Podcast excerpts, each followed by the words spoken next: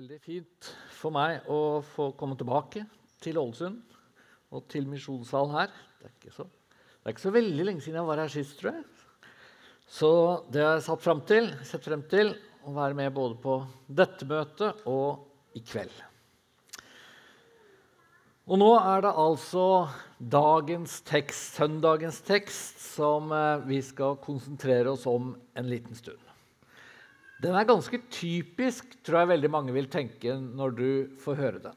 For den handler om at Jesus, han eh, helbreder. Og det er en ganske sånn kort fortelling.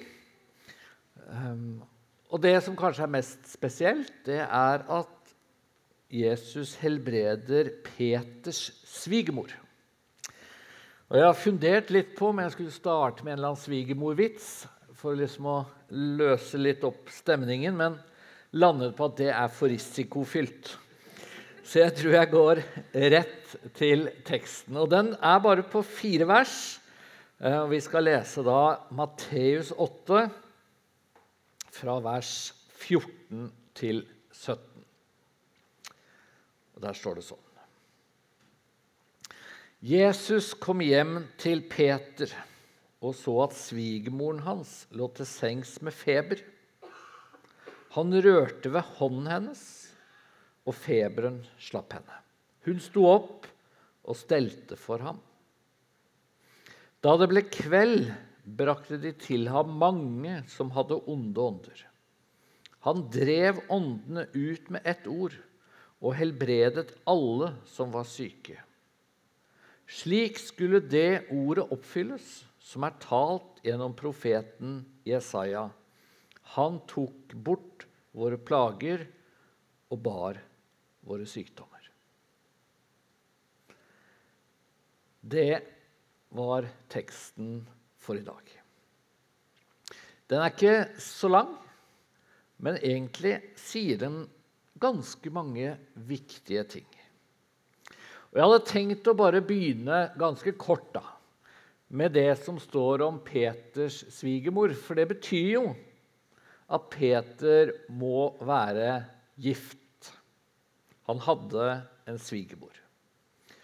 Og det er jo litt sånn ekstra interessant i lys av at Peter han blir sett på som den første paven ifølge den katolske kirke. Det er jo den grunnleggende ideen at pavedømmet ble startet ved at Peter ble pave. Og Det er jo en selvfølge i katolsk teologi at en prest, og, og i hvert fall en pave, ikke kan være gift. Og Sånn sett så er jo dette en tekst som ved å ta fram akkurat den detaljen sier noe om teologi, sånn helt spesifikt. Og jeg tenker at eh, For meg som lutheraner, i hvert fall, protestant, eh, så illustrerer den lille detaljen i denne teksten en av utfordringene ved katolsk teologi. At man har på en måte lagd en lære om eh, hvem som kan være prester, og hvilke krav man skal stille til prester og kirkeledere, som, som det egentlig kommer stikk i strid med det denne teksten sier. Og så mener jeg ikke med det å si at alt det som handler om eh, katolsk teologi og si, munkelivet, skal kritiseres. Jeg er blant dem som, som, leser med interesse og ofte med stor glede eh, katolske teologer og katolske tenkere. Jeg tror faktisk at den en av de aller mest interessante teologene i Norge akkurat nå, det er Erik Varden, som er katolsk biskop i Trondheim. Veldig klok og veldig interessant mann. Så jeg skal ikke komme med noen sånn eh, veldig kritikk av alt katolsk. Men akkurat denne ideen om at en prest eller en kirkeleder, en pave, må være ugift, den er Eh, problematisk. Og så står det altså at Peters svigermor hun hadde feber. Og så rører altså Jesus ved hånden hennes, og så blir hun frisk. Og når jeg leste den teksten, så tenkte jeg at dette var en ganske puslete helbredelse. Sammenligna med veldig mye annet av det vi møter i Bibelen. Ei dame ligger til fengs med feber, og så slipper feberen.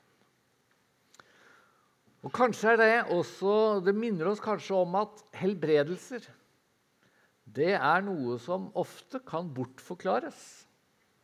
Ikke alltid, kanskje. Ikke alltid kjenner vi det sånn, men noen ganger så kan vi jo spørre ja, men var det egentlig en tilfeldighet. Ville han eller hun blitt frisk uansett?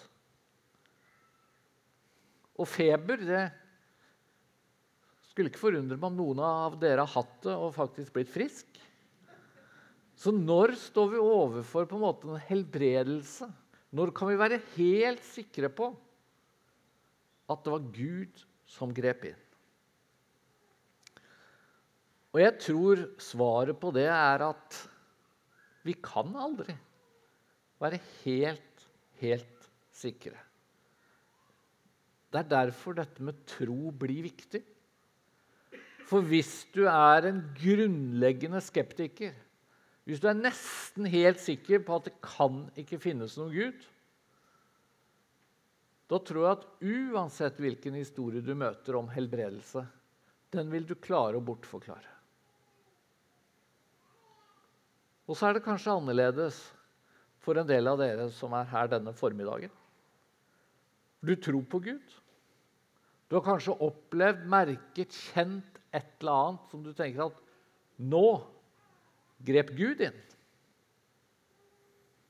Da er det mye enklere å tenke at det var faktisk det at Jesus kom inn i rommet, det at Jesus berørte hånda til denne damen, det var det som endret alt.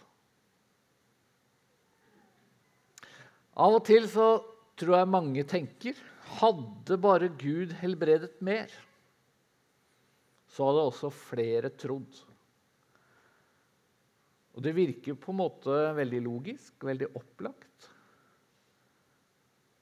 Men av og til så tenker jeg at vel, hvis du ikke vil tro, så kommer du helt sikkert til å bortforklare enhver helbredelse, ethvert under, hvis du virkelig prøver på det.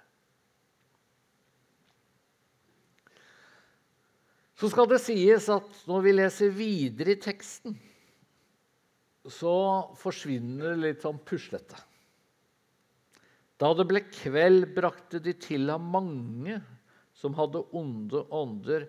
Han drev åndene ut med ett ord og helbredet alle som var syke.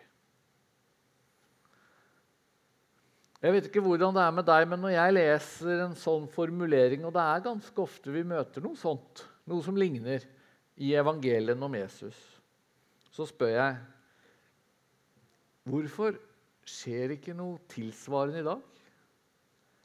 Vi ber for mange syke, men det å si at alle ble helbredet, det tror jeg ikke vi har grunnlag for å si. Hvorfor det?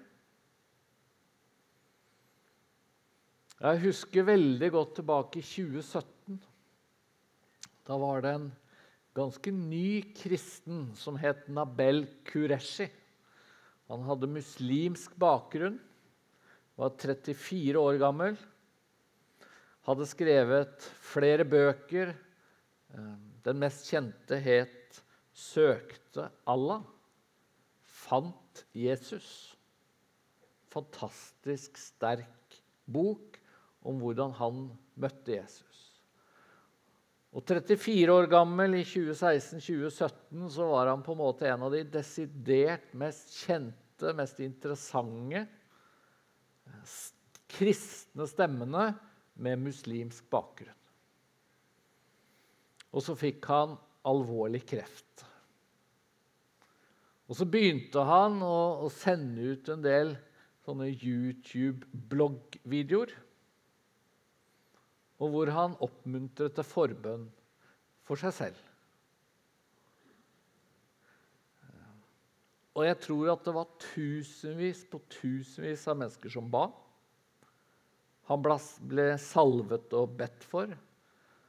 Og noen av videoene hans er også veldig sterke fordi det viser en mann som virkelig, virkelig tror på helbredelse. Han virker nesten helt sikker på at Gud kommer til å bruke sykdommen og bruke helbredelsen som et sterkt vitnesbyrd om at det er Bibelens Gud, den kristne Gud, som er sannhetens Gud. Og så dør Nabel Kereshi. Og jeg husker jeg tenkte Hvorfor grep ikke Gud inn i den situasjonen, i det minste? En mann som hadde et så sterkt vitnesbyrd.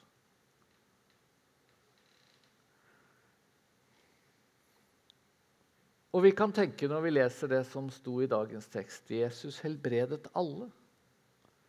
Hvorfor helbreder han ikke alle nå? Og Jeg skal ikke påstå at jeg kan bruke resten av denne talen til å svare på det, enkelt og greit. Men jeg tror det er veldig viktig å merke seg teksten som sier at Jesus drev ut onde ånder, helbredet alle syke. Og så fortsetter teksten. Slik skulle det ordet oppfylles som er talt gjennom profeten Jesaja. Han tok bort våre plager og bar våre sykdommer. Jeg tror det blir feil å si at helbredelsene i seg selv ikke var viktige. For de var selvsagt viktige for de som ble helbredet. Og Det står også flere ganger i Bibelen at Jesus gjorde helbredelser ut av medynk, barmhjertighet med de syke. Men likevel tror jeg det er så viktig å huske at hovedsaken, poenget med helbredelsene, poenget med åndsutdrivelsene, det var at Jesus skulle oppfylle, vise hvem han var. Og Jeg husker at akkurat det blei litt sånn ekstra sterkt for meg for noen år siden. Eller ekstra klart for meg for noen år siden. For da møtte jeg en veldig sær bok veldig sært TV-program og en veldig sær utstilling. Jeg vet ikke om noen husker den var på NRK. Så gikk det et TV-program som het 'Messias' i fire deler. Og Det var basert på en bok som het Det 'Aller siste testamentet' av en fotograf som het Jonas Bendiksen. Og Jonas Bendiksen hadde reist rundt i verden og så hadde han møtt og snakket med og intervjuet syv personer som sier 'Jeg er Messias'. Jeg er den Jesus som er kommet tilbake. Han var på Filippinene, han var i Afrika, han var i det indre Sibir og møtte altså personer som presenterte seg som Messias, som Jesus. Og når jeg møtte han Jonas Bendiksen, denne fotografen og TV-programskaperen og forfatteren, jeg møtte han noen ganger i noen samtaler og diskusjoner. Så spurte han hvordan kan du Espen, være så sikker på at ingen av disse syv virkelig er Messias? For du tror jo på Jesus, og du tror jo at Jesus skal komme igjen. Hvorfor kan det ikke være at han som går rundt i Sibir og har noen tusen tilhengere, virkelig er Messias? Og Jeg tror det fins to svar. Det ene svaret er at når Jesus, kom, Jesus kommer tilbake, så kommer det ikke til å være noen tvil. Jesus kommer ikke tilbake for å på en måte leve her på jorda. Han kommer tilbake for å holde dom. Og han kommer i skyen på en sånn måte at det ikke vil være tvil, står det i Bibelen. Men minst like viktig er det at vi kunne vite, vi vet i dag, at den Jesus som gikk her på jorda for 2000 år siden, han var Messias fordi han oppfylte profetiene. Og Jeg tror det er lett for dagens kristne å hoppe litt forbi det. Kanskje fordi vi ikke er så veldig kjent med Det gamle testamentet og leser ikke så veldig mye og så veldig ofte i Det gamle testamentet. Men du trenger ikke å lese mange kapitler i Det nye testamentet. I Matteus eller Markus eller Lukas eller Johannes. Du trenger ikke å lese mye før du ser at det er selve hovedsaken. Hvorfor skal vi tro på Jesus? Hvorfor skal vi ha Jesus som vår Herre og Mester? Hvorfor skal vi være hans disipper? Jo, fordi han oppfylte profetiene. Fordi det vrimler av tekster i Det gamle testamentet som peker mot Messias. Og så prøver evangeliene å vise gang etter gang etter gang slik ble ordet oppfylt. Og denne teksten i Matteus 8 er bare én av veldig mange hvor det står akkurat det. Og her er det altså Jesaja 53 som Jesus oppfyller. Han tok bort våre plager og bar våre sykdommer. Og alle de helbredelsene Jesus gjorde, åndsutdrivelsene, tegnene, alt det overnaturlige Poenget var at Jesus skulle vise at han var den andre Adam. Den første Adam gjennom synden, syndefallet, så kom det sykdom og ondskap og djevelskap og sult og lidelse inn i vår verden. Og alt det Jesus gjør, det er å vise at han er den nye Adam, som annullerer og fjerner all den ugagnen den første Adam gjorde. Han fjerner sykdom. Han fjerner lidelse. Han gjør et brødunder ja, et par ganger for å vise at han fjerner sult og lidelse. Han driver ut onde ånder for å vise at han er sterkere enn ondskapen. Og jeg tror skal vi på en måte gripe poenget med alle disse fortellingene i evangelien om at Jesus helbreder, Jesus driver ut onde ånder, så må vi forstå at det er en oppfyllelse. Det er tegn. Og Det betyr også at disse tekstene de kan gi deg og meg håp. Ikke fordi vi nødvendigvis vil oppleve det samme selv nå, i dag. Det gir ikke bare håp hvis vi ser en helbredelse, hvis vi ser et mirakel, hvis vi ser noe fantastisk. Men det gir håp fordi vi vet at han, som var den nye Adam, han som annullerte all ondskapen, han har kommet, og han kommer igjen, og han skal en dag skape en ny himmel og ny jord. Hvor det ikke er sorg og død og smerte og tårer.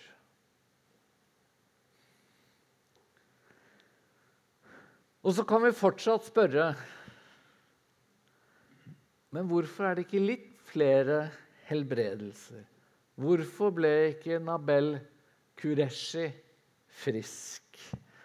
Hvorfor Og så kan du føye til.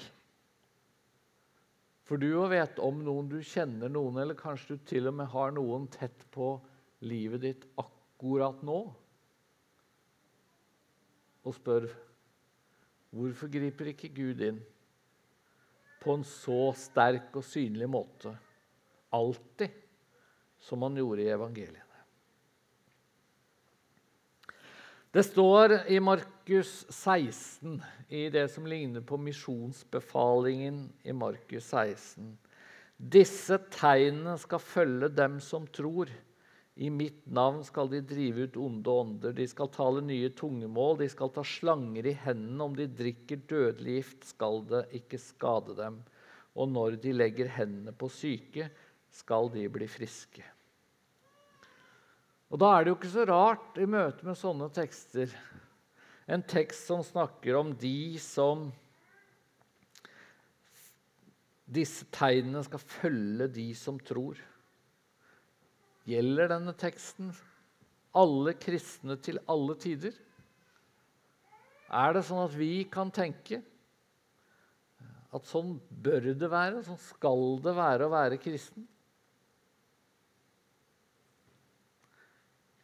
Eller gjaldt det bare de første kristne?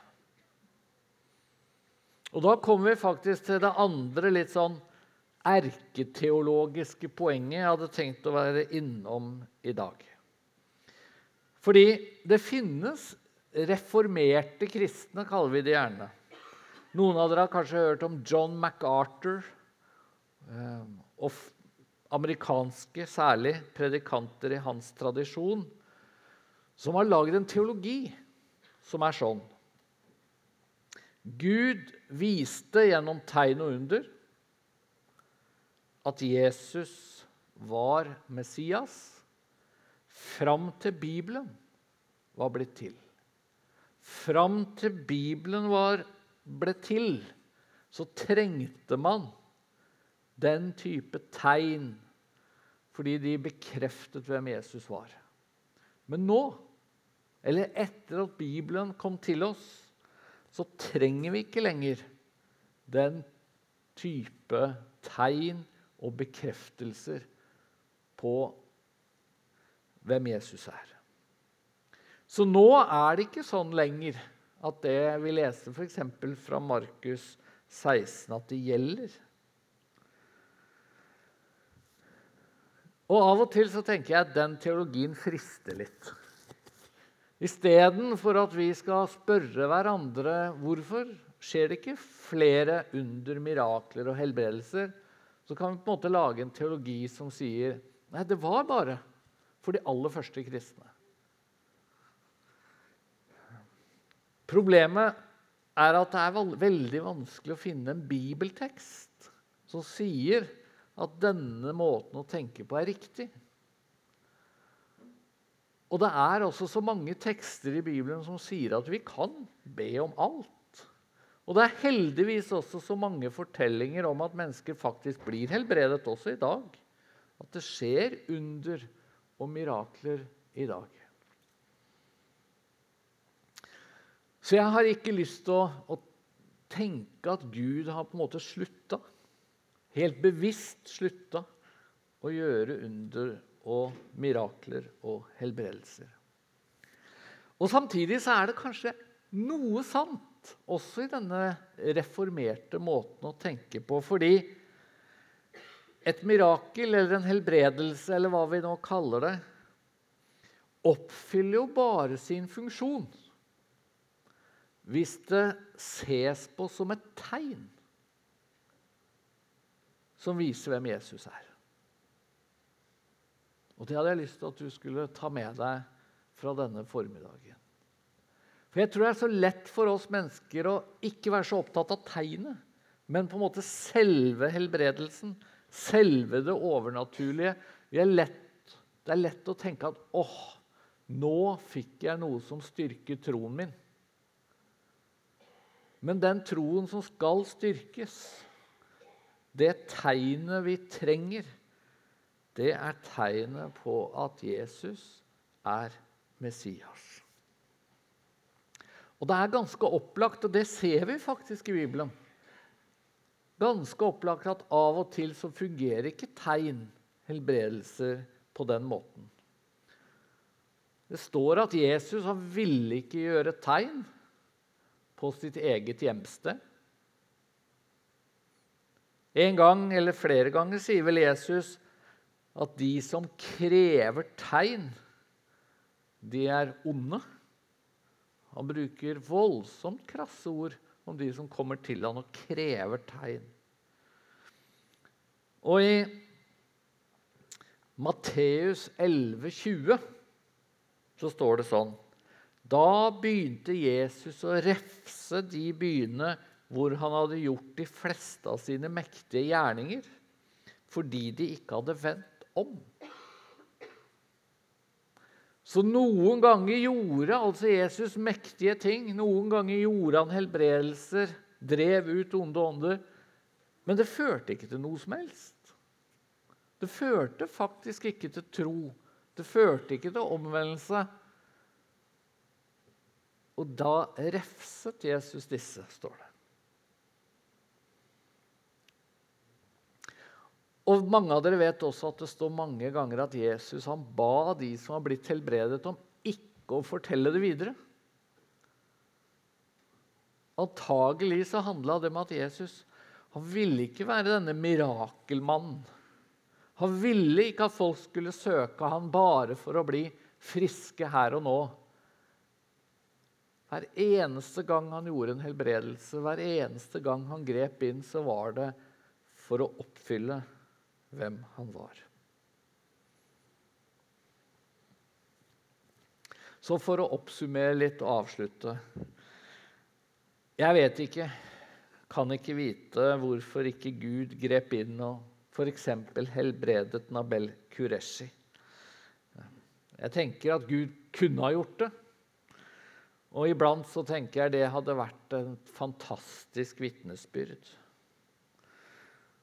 Men så var det en som sa til meg for en tid tilbake når vi snakket om dette, at hva hadde egentlig på en måte skjedd hvis Gud grep inn i det tilfellet fordi Kereshi var så solid og viktig og fantastisk kristen? Hadde, hadde vi begynt å tro da, at Gud han helbreder bare de viktige kristne. Gud helbreder bare de kristne som, som kan bli litt sånn reklameplakater for Gud. Og hva slags tankeganger ville vi da fått? Ville det fremstått som at det virkelig lønner seg å være kristen, særlig en ordentlig from kristen? Og da kan du ikke bli syk, du kan i hvert fall ikke dø av noe sykdom. Da blir du helbredet.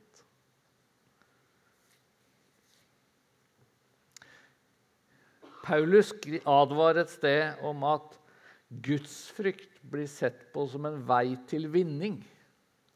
I 1. Timoteus brev 6. Og Det er kanskje det som ville vært mest skummelt hvis, hvis du og jeg trodde at siden vi var kristne siden vi tror på Gud, siden vi kan få noen til å be og salve oss, så er vi garantert å bli friske, garantert å bli helbredet. Men det er ikke sånn. Gud lar sin sol gå opp over onde og gode. Gud lar det regne over rettferdige og urettferdige. Han har ikke lagd en spesialordning som gjør at du, fordi du er kristen, er ekstra beskyttet. Gudstro er ikke noe vei til vinning på den måten. Men Gud kan. Vi kan be om alt. Og noen ganger så gjør han et tegn også i våre liv. Det viktige for Jesus det var å komme med frelse tilgivelse, nåde og evig liv. Han, det er nok mange her som kan fortelle at Jesus har gitt et bedre liv også, her og nå. Men først og fremst kom Jesus for å gi oss et evig liv. Og så kan Gud fortsatt helbrede. Og når det skjer, så skal vi takke og prise Gud for at vi har fått lov å se enda tydeligere og se helt konkret hvem Jesus er, og hva slags løfte Jesus kom med. Og så får vi en slags forsmak. Det er kanskje også det, noe av det viktigste med tegnet. Vi får et forsmak på det evige liv. For en gang blir prøvelser og smerter og lidelse og tårer borte. Men her nede, her på jorda, så vil eh, sykdom, lidelse og smerte og død fortsatt være. Men det vi har, og det vi blir minna om gjennom dagens fortelling, det er at Gud kan gripe inn her og nå, og Gud kommer helt sikkert til å gripe inn en dag. Kjære Herre, vi takker deg for teksten i dag. Vi takker deg for det tegnet det var for de kristne, for disiplene på Jesu tid. Og vi takker for at det også er et tegn for oss i dag. At du er sterkere enn død, sorg, smerte, sykdom og lidelse. Og at du en dag kommer for å skape en ny himmel og ny jord. Amen.